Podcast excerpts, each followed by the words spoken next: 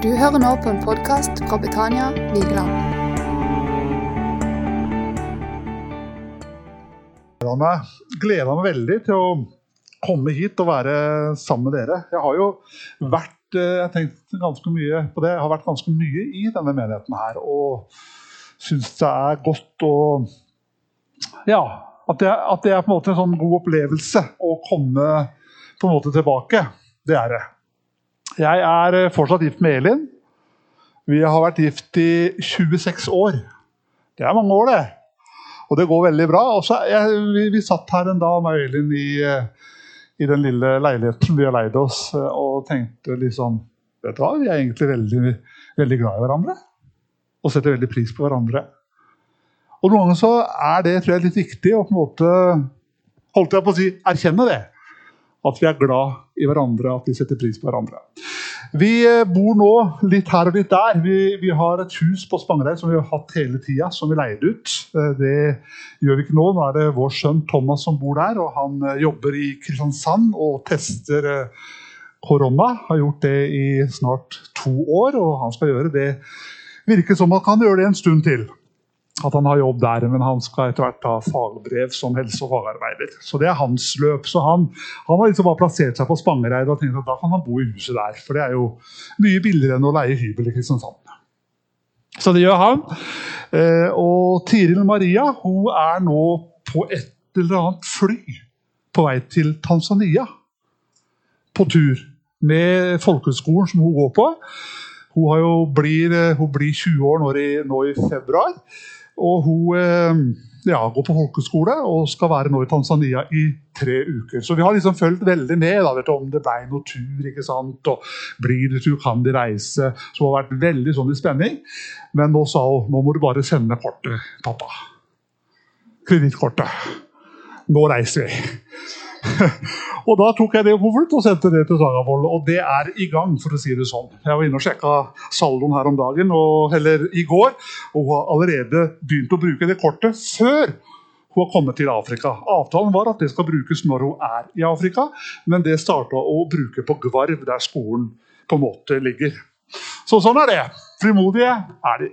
Så hva er plan uh, planen videre er, det er hun veldig sånn usikker sjøl. Men uh, hun søker på litt sånn forskjellige ting.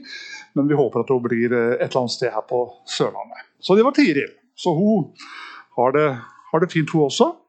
Og så er det Thea Maria, eller eh, Thea Maria, det er Tiril Maria. Og så er det Thea Elisabeth. Og hun skal gifte seg til sommeren. Ja, da skal jeg ikke Jeg skal, ikke, jeg skal få lov til Hun sa det til meg at jeg vil ikke at du skal vie meg, sa hun. Nei vel? Det er helt greit, for du skal følge meg opp. Ja, det, det skal jeg, og det ser jeg fram til. Så Lars Barkvedt skal på en måte ta denne vigselen for henne, men han har jo ikke noe vigselsrett, så jeg må ta den formelle biten. Da. Så da får jeg lov til å være litt med. Men han får ta historien og hele greia der, for da, den dagen skal jeg være pappa og bare følge opp. Og så skal jeg liksom bare få det til å si ja. Så blir det min jobb. Så hun eh, utdannet seg til å bli lærer. Lektor eh, i tysk og samfunn og kristendom, tror jeg. Ja, Så hun har halvannet år igjen, og så har hun funnet seg en eh, kjekk gutt fra Tau som heter Greger. Og de da bor i Kristiansand begge to nå og blir lærere begge to. Så får vi se hvor de havner, da. Sånn er det, vet du. Men det er litt deilig skal jeg være helt ærlig, at ungene har flytta ut. Litt deilig.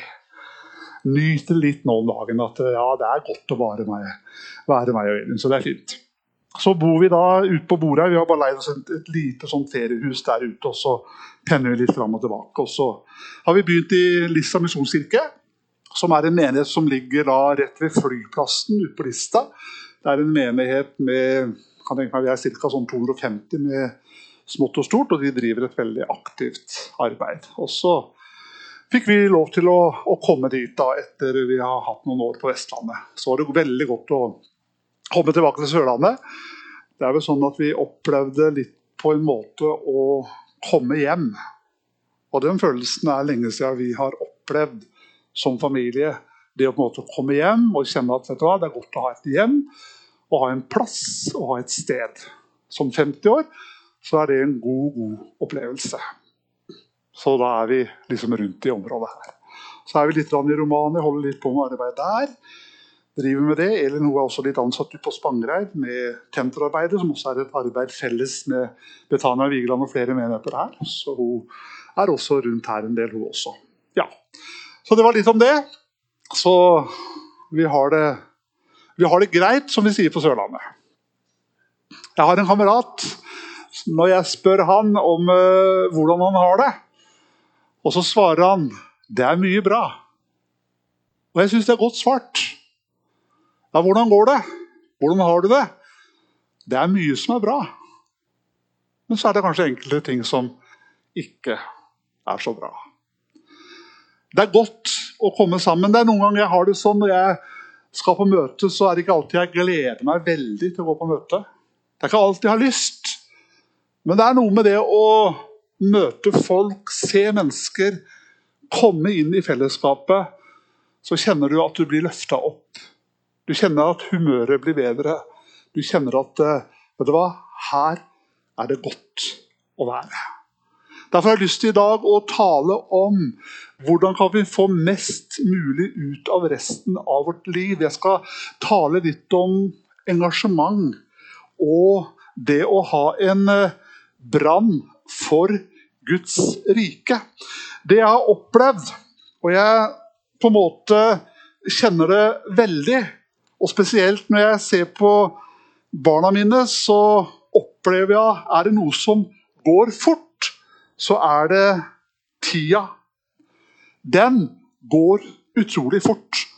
Jeg syns det tok en evighet fra å være en tiåring til å bli 18. De åra der gikk veldig, veldig seint. Det gikk også ganske seint ifra i grunn 20 til 30 år også. Det òg gikk ikke så veldig fort. Men så gikk det veldig fort fra 30 til 40, og så gikk det enda fortere fra 40 til 50. Også de som er eldre enn meg, de sier at det går enda fortere. Og jeg tenker går det an å gå fortere? Du hva? Tida den bare går. Den på en måte bare fyker av gårde. Så tenker jeg, hva enn du og jeg har tenkt å bruke livet vårt på, så er det best å komme i gang. Hva ønsker vi på en måte gjøre med dette året 2022? Vi kan både legge oss bak to veldig krevende år i menighetslivet og i kirkelivet. Så har det vært utrolig krevende.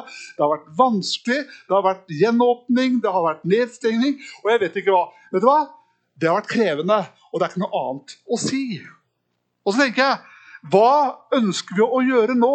Jeg hører at vi sier at vi skal tilbake til normalen sånn som det var før korona. Men jeg vet ikke om jeg har lyst til å tilbake til normalen. Og jeg vet ikke om vi kan si at vi kommer til å komme tilbake til det normale igjen. Det vet jeg ikke. Men jeg håper at vi har en forventning. At vi kjenner på, på en sånn begeistring og glede for det som ligger foran.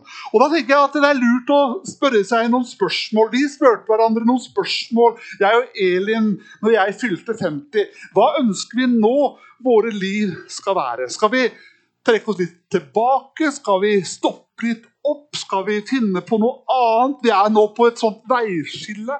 Hva nå? Altså, jeg tenker, og jeg opplever at man kan bli trøtt i tjenesten. Men man blir ikke trøtt av tjenesten. Men å bli trøtt i tjenesten, det er fullt mulig. Men jeg kjenner at jeg ikke er trøtt av tjenesten. Så vi bestemte oss. Vi prøver enda en gang å starte på en ny menighet. Lysten var ikke kjempestor. Brannen var ikke så veldig sterk. Men det var likevel et kall som lå der.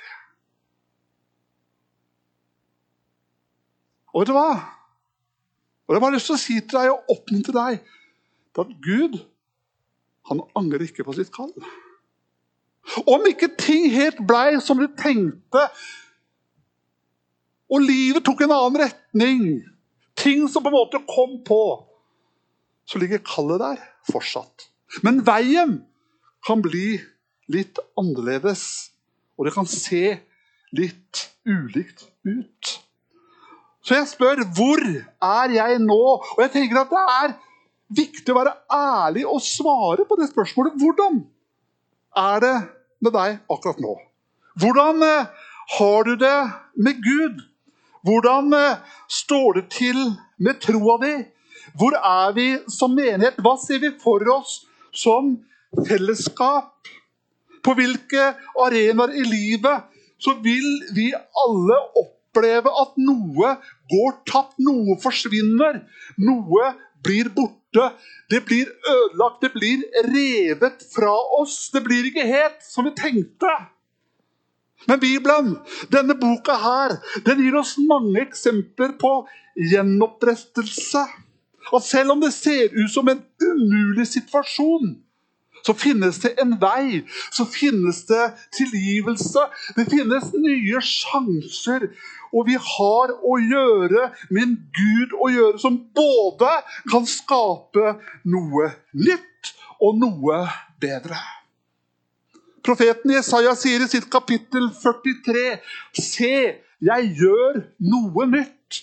Nå skal det spire fram. En av de mest kjente lignelsene i Bibelen det er Lukas 15. Det kalles for evangeliet i evangeliet. Det er denne fortellingen om en sønn som egentlig er ferdig med familien og faren sin og livet hjemme på gården. I hvert fall så vil han gjerne ha ut arven, og når faren motvillig gir han alt som er hans, så forsvinner han bort, langt bort av sted. Gutten hans sløser bort alt han har av penger og verdier, og han synker så langt ned som det går an å komme. Han mista alt. Han mista relasjonen til sin far, han mista hjemmet sitt, han mista det å være populær. Han mista til og med sin identitet. Men når det er på det svarteste, når det er på det dypeste, så står det noe fantastisk. Og det står at han kom til seg sjøl. Han fikk et plutselig et klarsyn. Han skjønte hva han hadde mista. Og han ydmyker seg og går hjem igjen.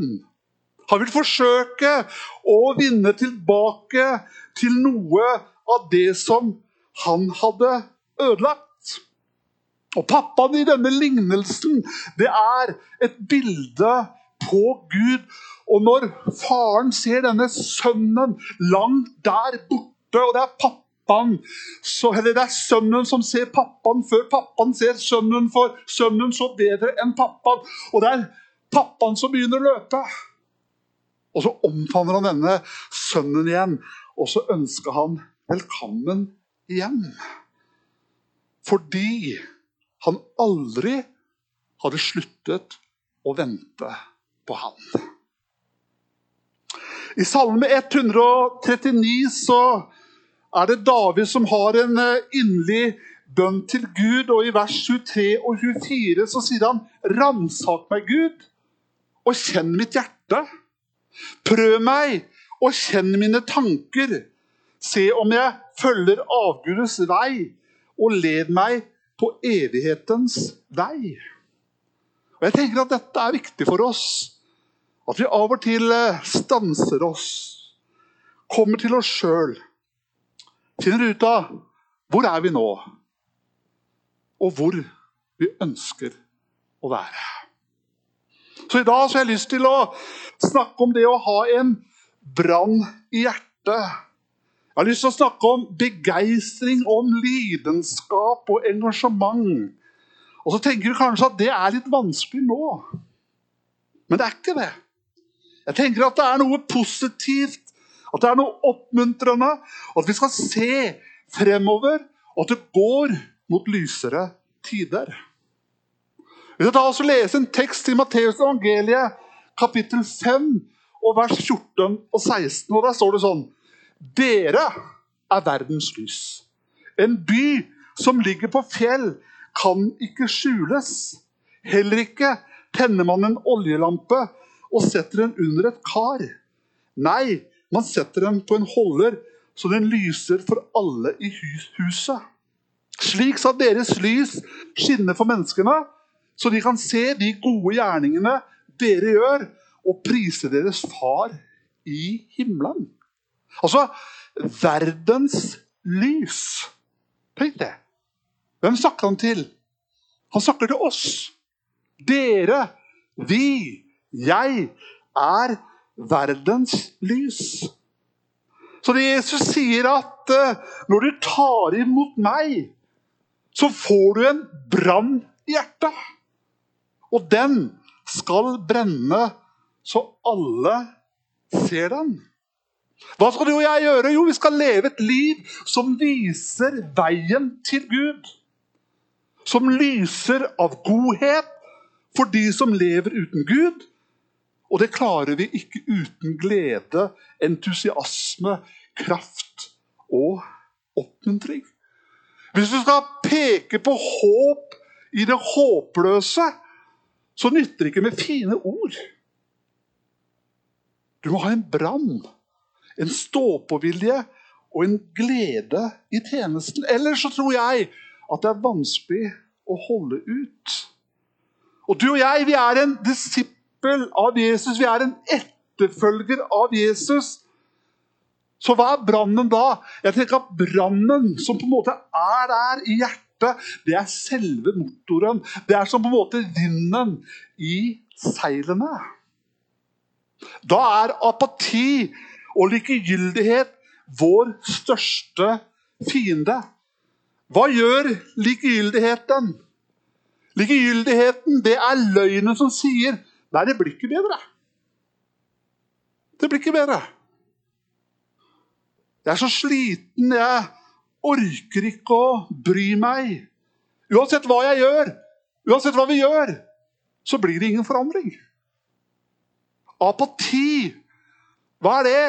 Hva gjør den? Jo, den stjeler det som er her og nå. Og så skjuler det det som ligger foran. At likegyldighet er fare. Apati det er også en fare. Men hva er lidenskap? Noen sier at de er lidenskapelig forelska. Men noen definerer lidenskap på en måte som en sterk følelse. Nesten noe ukontrollerbart. Men i en teologisk sammenheng så blir lidenskap definert som noe du er villig til å lide for. Jeg tenker at det passer også i en eh, rekke sammenhenger. Jeg mener, Heier du på fotballaget eller håndballaget, så brenner du jo for laget. Jeg har jo, Selv om jeg har på en måte flytta rundt omkring og bodd flere forskjellige steder, og, og man tenker at man eh, heier vel på det fotballaget der man bor Nei, langt ifra. Man gjør jo ikke det. Da er du ikke noen trofast eh, supporter da, hvis du heier på det laget der du bor. Der du heier på det laget der du kommer fra. Halleluja. Og hva er det for meg? Det er jo selvfølgelig Old Grønland. Det er jo klart det er det. Jeg har jo slutta, aldri slutta å heie på de selv om jeg har bodd på Sørlandet. Det har aldri vært aktuelt for meg å heie på Start. Nei, nei. Så når jeg var på startkamp, og de spilte mot Odd i Kristiansand, på Sør Arena, så sto jeg og heia på Odd. Og vet du hva? Jeg ble lite populær. Det er klart jeg gjorde det. Men man er trofast mot det laget man heier på. Det er klart at Tiril hun, på en måte, hun spilte håndball her på Vigeland. Vet du hva? Jeg har sittet så mange timer borti den hallen jeg vet ikke om det er akkurat den veien, men et eller annet sted her, du vet hvor hallen er. Ikke den nye hallen, men den gamle hallen. Jeg har sittet så mange timer der og sett henne spille håndball. Hvorfor det? For jeg er interessert. Jeg stilte opp på dugnad. Jeg satt i dette sek sekretariatet ikke sant? der du på en måte skulle på en måte liksom uh, gjøre når de skårte hjemmeseier når det var utvisning. Vet du hva, Jeg satt der. Hvorfor? For jeg hadde en lidenskap for det dattera mi holdt på med. Og Så flytta vi til et annet sted, og da begynte hun på et nytt lag. Og her vant de nesten hver gang, så det var jo moro å være supporter der. Men det andre stedet vi bodde på, Og det laget hun spilte på da, de tapte hver eneste kamp. Men jeg satt like lenge på de harde benkene i de kalde hallene. Hvorfor det? For jeg var interessert. Vet du hva? Det er lett å være holdt jeg på å si, medgangssupporter. Det er det enkleste av det enkleste. det. Liksom være en skikkelig supporter når det går godt. Men vi trenger motgangssupporter også. Som heier på når det går litt dårlig. Og jeg tenker sånn I menighetslivet også så er det jo veldig ålreit å være på en måte en medgangssupporter. Vi er på en måte med når det går godt. Når det er veldig bra. Da er vi liksom på. Men når det er litt motgang, og ting går litt trått, og det er ikke så mye folk på møtene, og ting går litt tråere og, og sånt noe Er vi supportere da? Og noe som på en måte jeg har blitt så begeistra over, og kanskje noe av derfor jeg har den lidenskapen også for menigheten og Guds rike, og det vi holder på med, er at jeg har sett en del folk som alltid har vært der. Uansett hvordan det var. Så ga de sin tiende. Så stilte de opp på dugnad. Så var de der alltid. For de var med. De hadde et engasjement. Og de hadde en brann. Jeg tenker at vi eh, kanskje trenger noe av det her tilbake. Det er klart at eh, hvis du virkelig vil ha en veltrent og sunn kropp, så finner du jo tid til å trene. Selv om det er på morgenen før du går på jobb. Du spiser sunt og du holder deg borte fra mat som vi andre elsker og gaffel i oss. Men nå er jeg inne i en sånn der sukkerfri tid, og det er egentlig veldig veldig tøft. Skal ikke si noe mer om det. Selv om det ser jo ikke sånn ut, men eh, det er helt sant. Hvis du eh, på en måte virkelig betyr noe for deg med en utdannelse, ja, da leser du og så pugger du til eksamen. Mens andre de kan du se på serie timevis på Netflix. Men du gjør noe helt annet. Er barna det viktigste i livet ditt, så sitter man gjerne timevis i bilen hver uke for å kjøre dem hit og dit. Og alle tilgjengelige ressurser som tid og kjærlighet og penger øses ut for at de skal ha det bra. Thomas han drev med karate han i åtte, de åtte åra vi bodde på, på Spangereid. Jeg kjørte til Mandal to ganger i uka i åtte år for at han skulle komme seg på, komme seg på karate. Han klarte aldri å få svart belte, men han fikk brunt. Hvorfor? For engasjement. Eller når de skulle ta lappen Uff a meg. Jeg husker første gang jeg skulle overkjøre med Thea. Kommer aldri til å gå. Og så var de så veldig sta de måtte ha det på gir. Og Så kom jeg med et forslag men du kan jo ta det på automatgir. De fleste biler du kommer kjøre, er jo automatgir. Nei, vi skal ha det på gir. Det var jo enda verre. Det gikk jo greit til slutt. Hun fikk lappen. Men jeg hadde tro på det ikke i det hele tatt. Så kom Thomas nummer to. Han var det enda verre med. Jeg tenkte at det kom til å gå glatt. Nei, Han kjørte enda verre enn Thea. Og vi satt timevis i disse bilene og kjørte og kjørte og kjørte og kjørte og kjørte og kjørte. Og øvde for at de skulle få lappen. Og så var det Tiril. Hun trodde hun kunne det. Men det gjorde hun ikke. Det tok mindre tid med hun enn de andre. Men de fikk de alle sammen. Hvorfor sier jeg det jeg sier?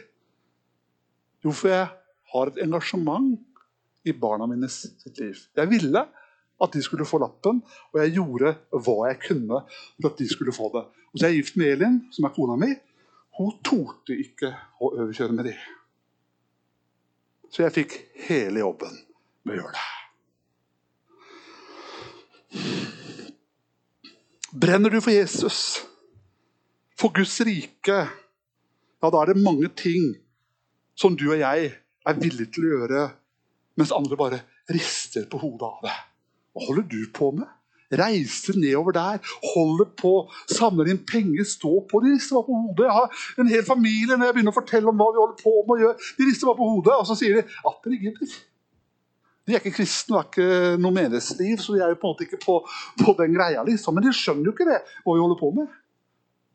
De rister på hodet. Ja, men Kan dere bruke så mye tid å holde på med det? Ja, vi kan det. Hvorfor det? For vi ønsker, som du sa, å gjøre verden til et bedre sted for en del mennesker. Halleluja. Og det trenger vi et engasjement til for å gjøre. Jeg ønsker at denne verden skal bli et bedre sted for noen å puste. Det skal bli lettere å puste for dem.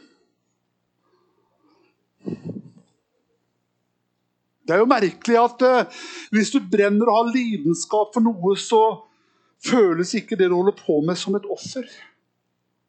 Hvorfor er det sånn? Jo, fordi du drives av kjærlighet. Det er en annen drivkraft som ligger der. Det du gjør, er å bare uttrykke din kjærlighet. Og det er jo vanskelig å brenne for noe uten at det synes. Uten at noen ser det. I andre kongebok, kapittel 13 og vers 18 og 19, så står det en litt sånn her underlig historie. Det er eh, Joas, Israels konge, som kommer til eh, profeten Elisha, og det er rett før Elisha dør. Israel de er omringet av fienden, og kongen er bekymra og fortvila. Profeten han eh, ber kongen om å hente en bue og noen piler. og Deretter så ber han kongen om å ta pilene og slå dem på jorda. Jeg tenker at Det er på en måte en sånn her litt sånn merkelig spørsmål. Hva skal det være godt for? Som om det på en måte ville hjelpe. Men kongen han tar nå disse pilene og så slår han mot eh, bakken. Han slår én gang, to ganger og tre ganger. Men så stanser han. Det minner meg litt når Elin klør meg på ryggen. Så er det litt ofte sånn at det er én gang, to ganger, tre ganger, så holder det. Det er ikke mye engasjement akkurat der til det. Men tilbake til Bibelen. Det fortelles videre at Guds profet ble sint på kongen og sa du skulle ha slått minst fem eller seks ganger. Da ville du slått fienden og gjort ende på dem. Nå kommer du bare til å slå dem tre ganger. Det er jo nesten litt sånn her da, urettferdig, tenker jeg. For hadde kongen visst hva som sto på spill, så hadde han sikkert slått de pilene både seks, åtte ganger og ti ganger mot jorda. Men han visste jo ikke det. Så det ble bare én ganger, to ganger og tre ganger. Og det skjedde ikke noe. Og så tenker jeg er det sånn du lever, Geir? I forhold til ekteskapet, i forhold til barna, til tjenesten, i forholdet til Gud. Vi vet jo ikke alltid hva som står på spill. Forstår ikke alltid hvorfor. Vi ser på en måte ikke det hele bildet. Men hvis Gud, eller Guds profet, ber meg om å slå pilene mot jorden. Hvorfor slår jeg ikke? Hvorfor legger jeg ikke hjerte og sjel og all min kraft ned i det? I boka 'Hvorfor eh, gror gresset' så er det en fortelling om eh, pessimisten og optimisten. Det er to barn som eh, gikk i samme barnehage, og disse to barna var jo markant forskjellige. Den ene var en utprega optimist, mens den andre var veldig pessimist. Personalet var veldig nysgjerrig på hvorfor, eller hvordan de på en måte kunne være så forskjellige, disse to barna. Så de bestemte seg for å utføre et eksperiment for å finne ut øh, om de virkelig var så ulike. Og Så tok de med seg denne pessimisten til et rom fullt med leker og Så gjemte de seg utenfor og så venta de på reaksjonen til denne gutten. Og da pessimisten kom inn i rommet og kikka seg rundt og sa det må være noe lureri her. Så mange leker pleier jeg aldri å få. Jeg lurer på hva som er feil. Etter å ha notert seg dette, så tok de med seg optimisten inn i et rom fylt med hestemøkk. for å se om det kunne gjøre han nedslått. Da gutten kom inn i rommet, og begynte, så begynte han å le med en gang og danse av begeistring. Personalet ble jo selvfølgelig veldig overraska og spurte gutten hvorfor kan du være så glad når hele rommet er fylt av hestemøkk. Med så mye hestemøkk, sa gutten, så må det finnes en hest i nærheten. Da er du positiv. Da er du optimistisk. Ja. Og så tenker jeg hvem er du, Geir? Hvem ønsker jeg å være? Jeg ønsker å være optimisten. Jeg ønsker å se muligheter. Jeg vil være begeistra, levende og glad. Hva sa Jesus? Han sa, 'Dere er verdens lys'. På samme måten som flammen i et bål både må beskyttes og gis næring. På samme måte må du og jeg beskytte og gi næring til flammen og brannen i hjertet. Jeg ønsker å holde fast på nåden, jeg ønsker å holde fast på tilgivelse. Jeg ønsker å holde fast på Jesu fullbrakte verk på Golgata, for det er det sikreste vi kan gjøre. Hebrebrevet sier i kapittel 12 og vers 1 og 2 så snakkes det om hvordan man skal fullføre løpet som er lagt for oss. Vet du hva det står? Det står at vi må feste blikket på Jesus. At det er han det handler om. Vi må feste blikket på troens opphavsmann. Jeg synes dette Ordet 'troens opphavsmann' er et fantastisk ord. Opphavsmann. Altså, Det starter med han. Det er han som er opphavet for vår tro. Men ikke bare det, så står det også at han er vår fullender. Han er opphavet, og han er fullendelsen også av troa vår. Så dette bibelverset det fyller meg med håp. For selv om jeg er svak, så er Jesus som bor i meg, både skaper og fullender av tro. Kjære Jesus, takk at du er her. Takk at det er så godt å tilhøre deg og være ditt barn. Takk at du er i går og i dag den samme, ja, til evig tid. Takk at vi kan ha en tro til deg om at du gjør det umulige mulig.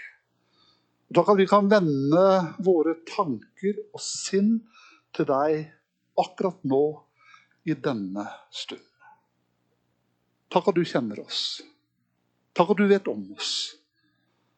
Du ser hver eneste en som er her nå. Vi har forskjellige liv, forskjellig utgangspunkt. Men Jesus, du har noe for den eneste en av oss. Takk, Herre, at du møter oss ikke der vi burde ha vært. Du møter oss ikke der vi har vært, men du møter oss akkurat her og nå.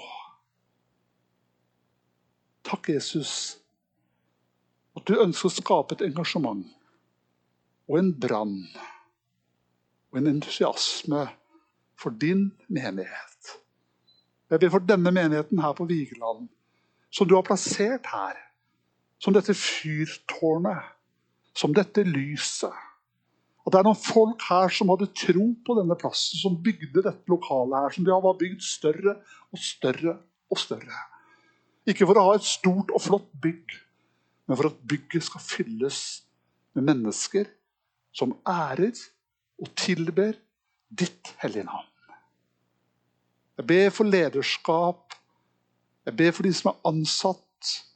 De som står på her uke etter uke.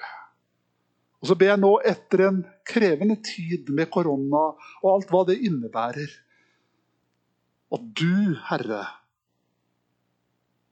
skal lyse opp hele Vigeland og hele denne plassen her for de menneskene som bor her. At denne plass og denne menighet skal være et herberge. Skal være et herberge jeg ber om det et herberge. Jeg ber om det i Jesu navn. Der mennesker skal komme og bli lekt og få hjelp ber om det i Jesu navn.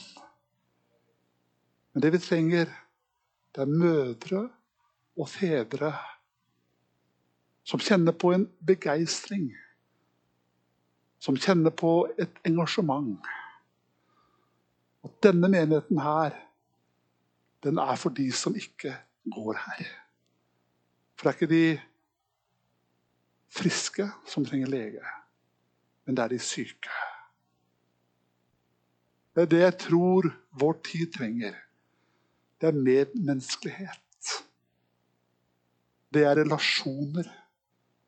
Det er fellesskap. For vi vet at ensomheten den tar livet av mange mennesker. Og Så ber jeg Herre om at du skal hjelpe oss, du Herre. Jeg ber for Betania. Jeg ber for Betania i denne stund. Takk at du gleder deg og fryder deg over denne plass. I Jesu navn, i Jesu navn. Amen.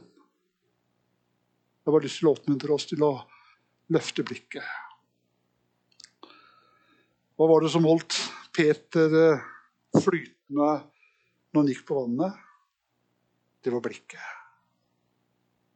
Det var hvor han så. Og Så fort han begynte å se det som trua, så begynte han å synke. La oss løfte blikket og se på Jesus. Selv om livet ikke blei som jeg tenkte. Selv om ting tok en, en annen vending og en annen vei, så så jeg på Jesus. Så hadde jeg blikket på han. Så fikk jeg lov til å følge der han gikk. Så la oss oppmuntre hverandre. Jeg ber spesielt også for den som er syk her i formiddag. Jeg kjenner på en måte ikke konkret til noe. Men jeg ber likevel med frimodighet at ved dine sår har vi fått legedom.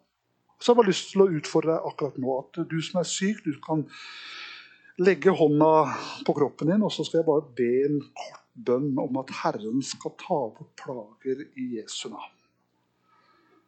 Nå tar jeg og legger min hånd på mitt øre, som jeg fikk tinnitus for to år siden på det ene øret. Det kom opp plutselig. Og det er krevende. Men jeg ber i Jesu navn at ved dine sår har vi fått legedom.